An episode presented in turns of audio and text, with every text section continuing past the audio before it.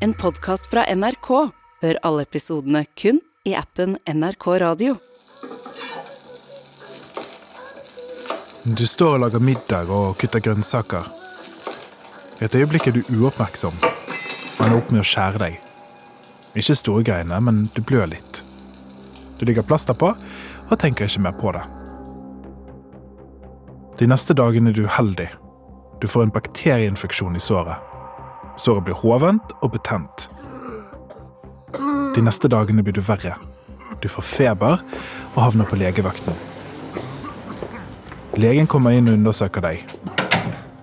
Legen sier Nå er det dessverre sånn at det er um, ingenting mer vi kan gjøre for deg. Så hvis den infeksjonen her sprer seg, så må du faktisk uh, amputere. Det høres kanskje ut som et mareritt, men dette er kanskje framtiden.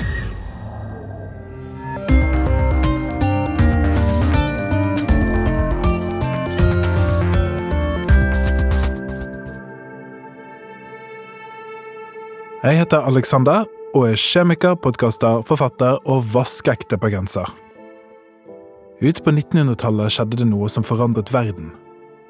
Vi oppdaget en medisin som drepte bakterier. Antibiotika, altså medisin som behandler bakterieinfeksjoner. Det var en revolusjon for folkehelsen og har reddet livet til millioner av mennesker verden over. Nå, rundt 120 år seinere, lurer en krise rett rundt hjørnet. En krise som kan bli verre enn koronapandemien. Forskere har advart om denne krisen i tiår, men vi hører ikke etter. Du har kanskje ikke hørt om han engang. En britisk rapport anslår at denne krisen kan føre til at ti millioner mennesker dør hvert år. Det er antibiotikakrisen. Men hva er antibiotika, og hvorfor er det krise? Det mener jeg burde vært pensum. Ladies and gentlemen, now ready for takeoff. Make sure that Det var for eh, tre år siden. Nydelig vær, flott, og alt sånn som skal på grensa opp mot Albania. Dette er Pål. Han skulle på ferie til Hellas, et av nordmenns mest populære reisemål. Men den turen skulle ikke gå helt som planlagt. Vi kommer tilbake til Pål litt seinere. For å forstå hvordan vi havnet i denne krisen, må vi noen hundre år tilbake i tid. På denne tiden var livet ganske annerledes. Og en av de store forskjellene var at vi manglet antibiotika. Bakterier sto bak utallige dødsfall, og fikk du hjernehinnebetennelse eller blodforgiftning, ja, da var det sannsynlig at du døde. Tidlig på 1900-tallet var forventet levealder i Norge rundt 52 år, og alvorlige sykdommer som difteri og tuberkulose herjet. Bakterieinfeksjoner i sår og kropp var mye vanligere, og infeksjoner som vi i dag tenker på som uproblematiske, kunne i verste fall lede til døden. Men så skjedde det noe som skulle endre verden for alltid.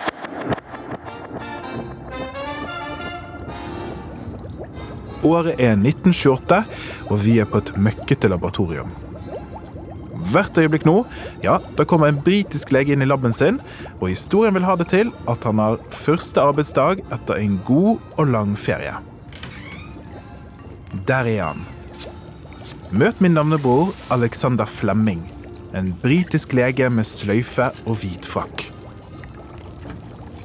Han har litt innsunkne øyne og et intenst og arresterende blikk. Han var notorisk rotete og hadde liksom aldri den ordenssansen de assosierer med hvitfrakkede og seriøse menn. Akkurat nå prøver han å få oversikt og rote rundt i hyllene. Flemming forsker på bakterier som han dyrker i petiskåler. Det er sånne lave, flate skåler som du kanskje har sett på film eller serier. I en av skålene til Alexander Flemming, som har stått over ferien, har det skjedd noe spennende. Bunnen av skålen er dekket av bakterier, som forventet. Men en liten klatt med muggsopp har òg satt seg ned i skålen. Muggsoppen har kommet fra luften. Men det var ikke muggsoppen i seg sjøl som fanget Flemmings oppmerksomhet. Rundt muggsoppen var en tom ring. Et slags skjold der det ikke vokste bakterier. Vi vet ikke hvordan han reagerte, men kanskje han gispet eller sto der med store øyne idet et eureka-øyeblikk oppsto i hjernen hans. Den lille klatten med mugg hadde gjort noe som var helt naturlig, men likevel enestående. Muggsoppen konkurrerte med bakteriene for territorium og næring, og gikk derfor til kjemisk krigføring mot dem. Muggsoppen hadde laget et stoff og sprøytet det rundt seg. Og stoffet, ja, det hadde drept bakteriene. Flemming og assistentene hans utførte møysommelig arbeid, og fikk til slutt tak i dette stoffet. Det ble kalt penicillin, en medisin som dreper eller hemmer bakterier. Du kjenner nok igjen navnet. Det er nemlig veldig sannsynlig at du sjøl har vært på en eller flere penicillinkurer. Og det sier noe om hvor verdifull og viktig oppdagelsen var. Penicillin skulle bli en av 1900-tallets aller viktigste oppdagelser. Flemming vant nobelprisen i fysiologi eller medisin i 1945 sammen med Howard Florey og Ernst Chain, som òg jobbet med penicillin. Så hva var det som egentlig var så genialt med Flemmings oppdagelse? Flemming visste at vi mennesker egentlig er gjester i bakterienes verden, ikke omvendt. Bakteriene ble til her på planeten hundrevis av millioner av år før oss, og de er overalt. De er så tilpasningsdyktige at de òg trives i ekstreme miljøer. Vi kjenner til bakterier som lever og trives i minus 15 grader i den arktiske permafrosten. Eller godt over 100 grader rundt varme skorsteiner på havbunnen.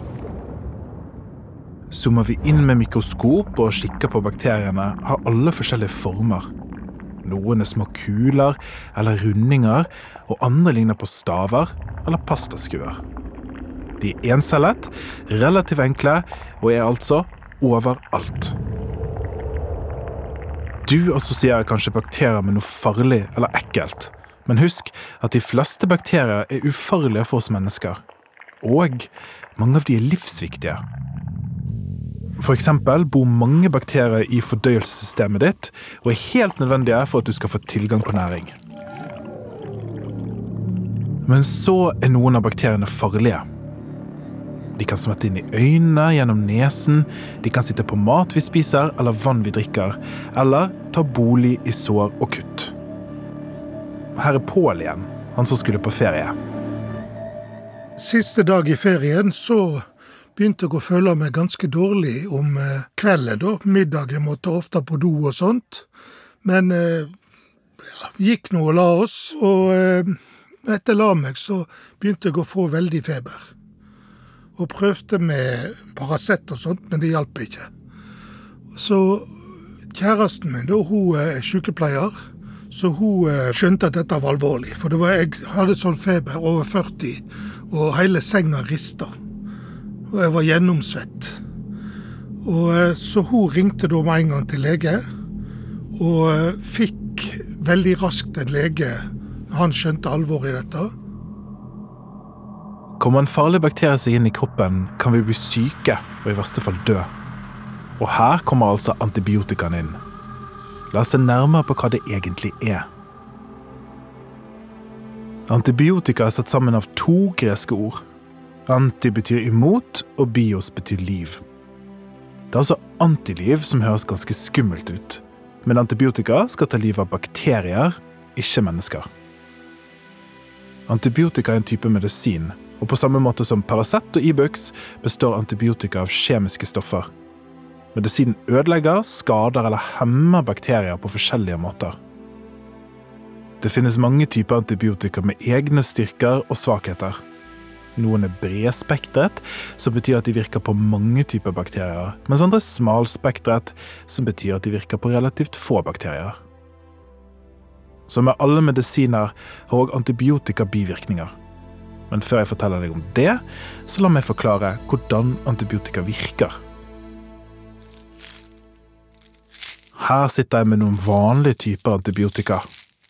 Dette er altså penicillin, som du ble kjent med tidligere. Og Spiser vi penicillin, så kommer penicillin seg inn i bakterien, inni kroppen vår. Der ødelegger penicillin bakteriens evne til å bygge celleveggen sin. Det er gode nyheter for oss og dårlige nyheter for bakterien. Celleveggen er den beskyttende muren som holder bakterien sammen. Sagt med andre ord, hadde penicillin hatt samme effekt på oss som bakterien, hadde huden vår gått i oppløsning. Dette er streptomycin. Den er veldig effektiv mot den bakterien som gir tuberkulose, og var viktig for å drastisk redusere utbredelsen av tuberkulose her i Norge. Disse pillene inneholder tetrasykliner, og det brukes mye i landbruk og oppdrett. Antibiotika er nemlig ikke bare medisin for mennesker. Selv om det er snakk om dyr og fisk, så brukes antibiotikaen for å behandle infeksjoner på lignende måte. Dyr får nemlig òg bakteriesykdommer. Antibiotika brukes også forebyggende, og det er spesielt her bruken av antibiotika er uansvarlig. Istedenfor å behandle med antibiotika når det faktisk trengs, sprer man det i fôret til dyr som ikke er syke. Så mye som 50-80% av antibiotikaen som blir brukt i industrialiserte land, blir brukt som fôrtilskudd til kveg, griser og fjærkre. Til nå har jeg fortalt hvor genialt antibiotika er. Men nå kommer jeg til det som ikke er så bra. En av baksidene ved antibiotika er at de ikke bare dreper skurkene, men òg de snille bakteriene. Etter en antibiotikakur kan man f.eks. få diaré eller kvalme. Det skyldes at antibiotikaen òg har drept og forstyrret de gode bakteriene i tarmen. I dag er vi usikre på om denne antibiotikaen har en effekt på kroppen over lang tid, men forskningen tyder på at det kanskje ikke er bra for oss. Så hva er resistens egentlig? For å forklare det må vi bli nærmere kjent med de små bakteriene. Resistens betyr kort og godt motstandsdyktig. Det er når bakteriene overlever antibiotika. Sagt med andre ord antibiotikaen biter ikke lenger. Men hvordan blir de resistente? Det finnes flere veier til resistens. En av de viktigste er evolusjonen, når genene endrer seg over tid. Bakteriene formerer seg lynraskt, og det blir nye generasjoner fort. For hver nye generasjon muteres genene. Det blir lettere å forstå med et eksempel. Dette er en forenkling, forresten, men du skjønner poenget. Her har jeg en peterskål som vi skal se nærmere på. Oppi peterskålen min så svømmer 100 bakterier. I denne sprøyten har jeg en penicillinkur, så jeg drypper den rundt i skålen. Nå dør 99 av bakteriene. Antibiotikakuren har gjort som den skal. Men la oss se nærmere på den ene bakterien som overlevde. Kanskje den har bestemte gener som naturlig gjør den mer motstandsdyktig mot penicillin. La oss kalle denne ene overlevende bakterien for Bobby. Bobby bakterie. Nå formerer Bobby seg i tilstedeværelsen av penicillin. Bobby deler seg og blir til to bakterier, så til fire, så til åtte, osv. Mutasjoner skjer naturlig hver gang, og for hver nye generasjon med bakterier, altså Bobbys barn, barnebarn, oldebarn, tippoldebarn, så skjer det mutasjoner som gjør at de nye generasjonene tilpasser seg at de er omgitt av penicillin, den samme giften som tok knerten på alle Bobbys bakterievenner. På ørliten tid er skålen full av bakterier som tåler penicillin, og derfor er resistente.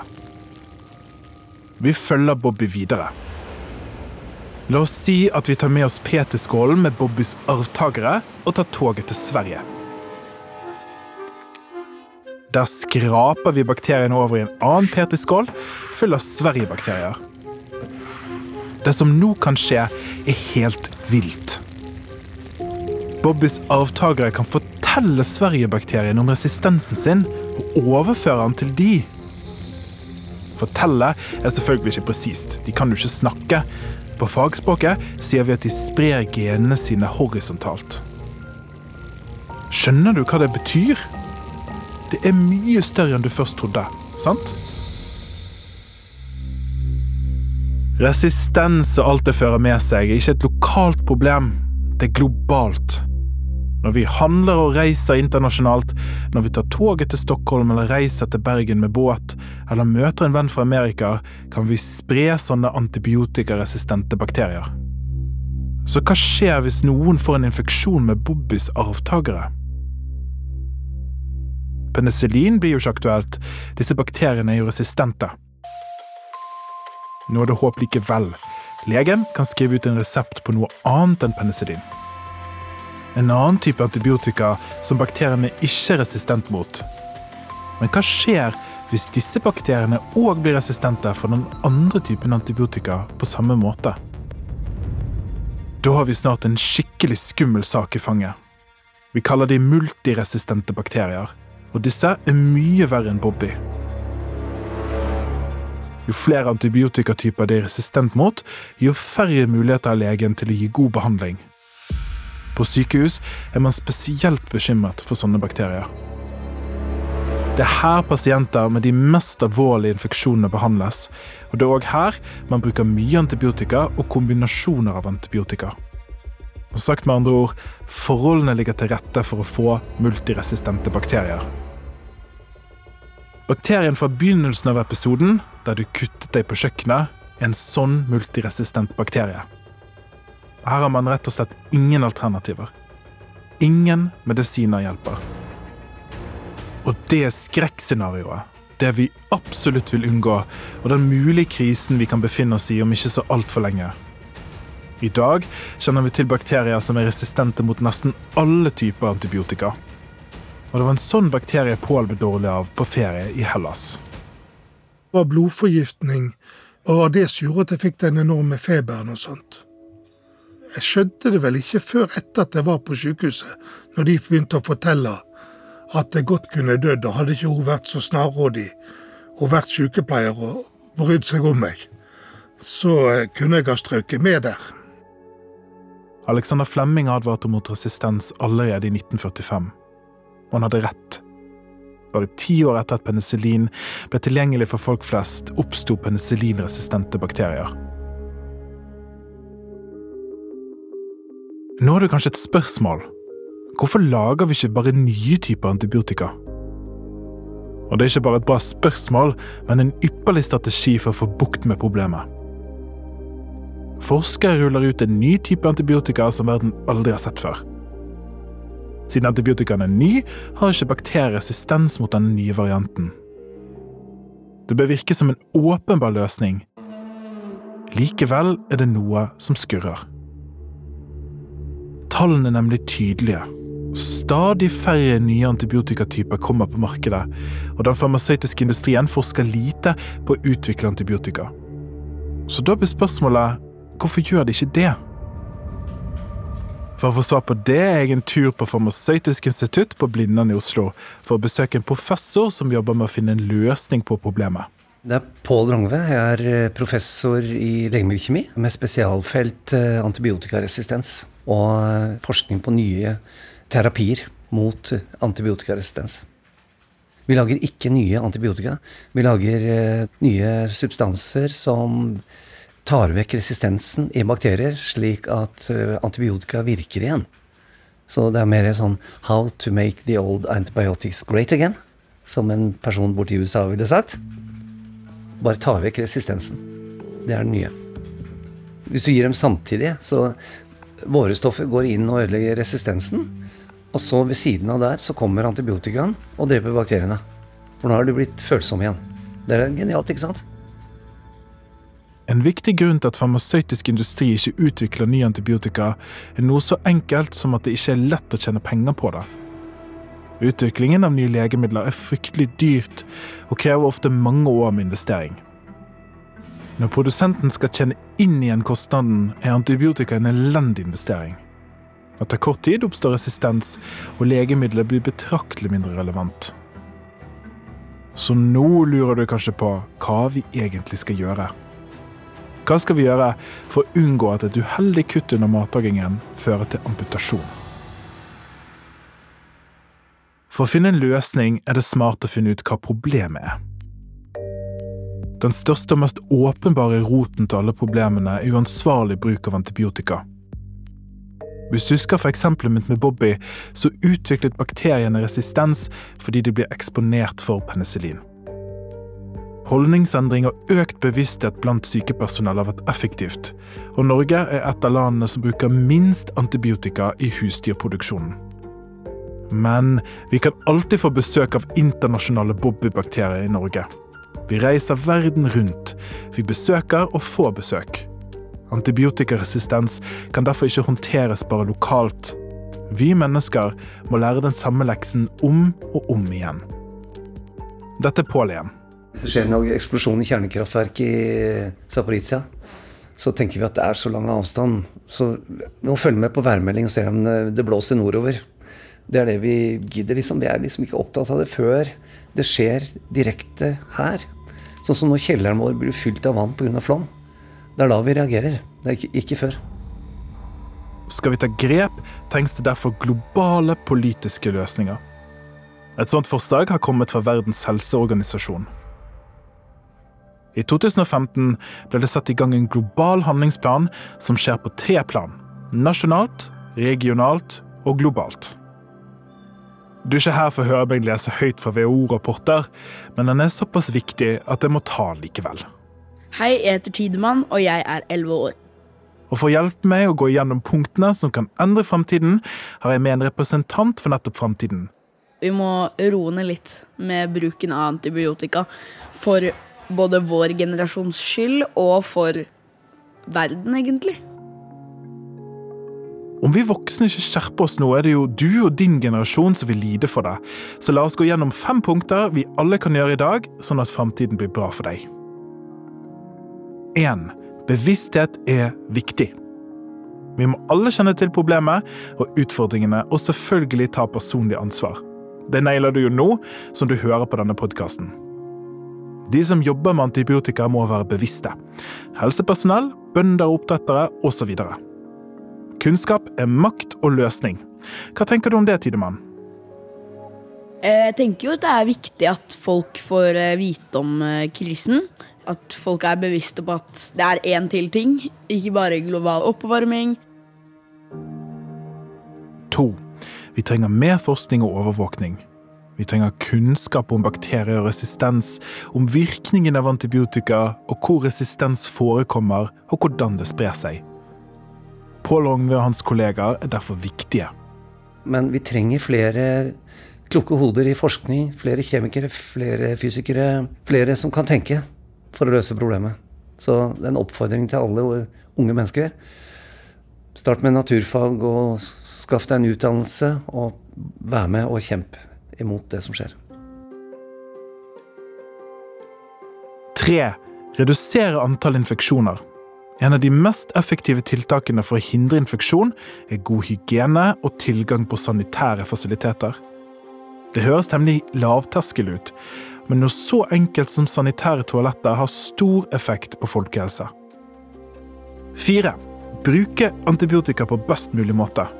Vi må sikre nøysom utskrift av antibiotika, redusere unødvendig bruk i jordbruk og oppdrett, og ha god kontroll på produksjonen og distribuering.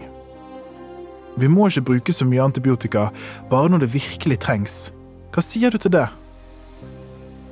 Vask dere på hendene. Ta en Ibux istedenfor antibiotika. Eller en Paracet. Og bare ikke bruk antibiotika hvis dere ikke trenger det. Fem. Økonomi. Det er viktig å øke investeringer i utviklingen av nye medisiner og verktøy for å stille riktig diagnose.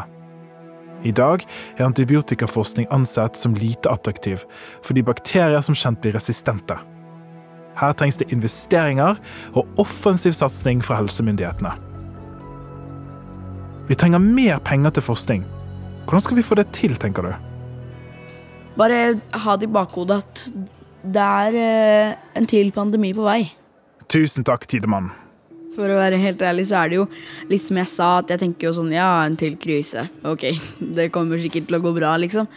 Men uh, det tenker jeg jo helt til uh, det faktisk uh, har litt kutt på fingeren og får sånn blodforgiftning. Så tenker jeg jo oi, shit, det er jo faktisk et problem vi har. La oss si at nå har vi klart å gjennomføre disse forslagene. Da vil den katastrofale situasjonen på kjøkkenet der vi begynte episoden, høres sånn ut. Du står og lager middag og kutter grønnsaker. I et øyeblikk er du uoppmerksom og ender opp med å skjære deg. De neste dagene er du uheldig. Du får en bakterieinfeksjon i såret, og såret blir hovent og betent. Over de neste dagene blir du verre. Du får feber og havner på legevakten. Legen kommer inn og undersøker deg. Legen sier Du har fått en bakterieinfeksjon.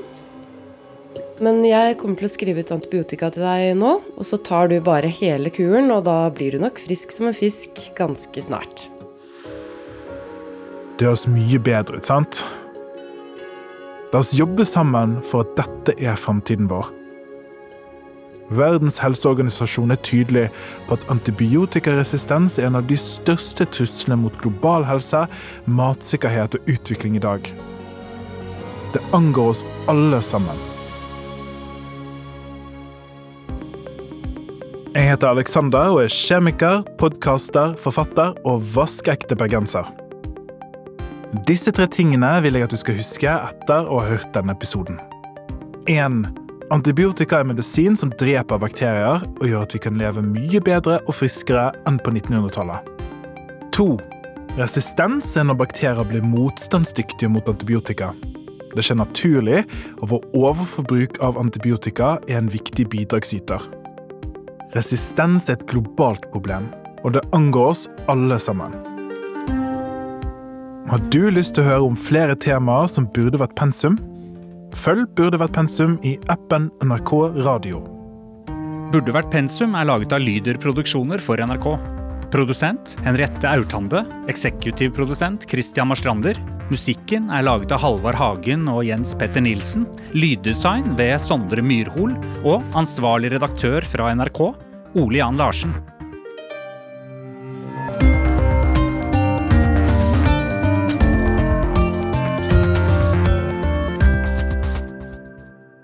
Du har hørt en podkast fra NRK. Hør alle episodene kun i appen NRK Radio.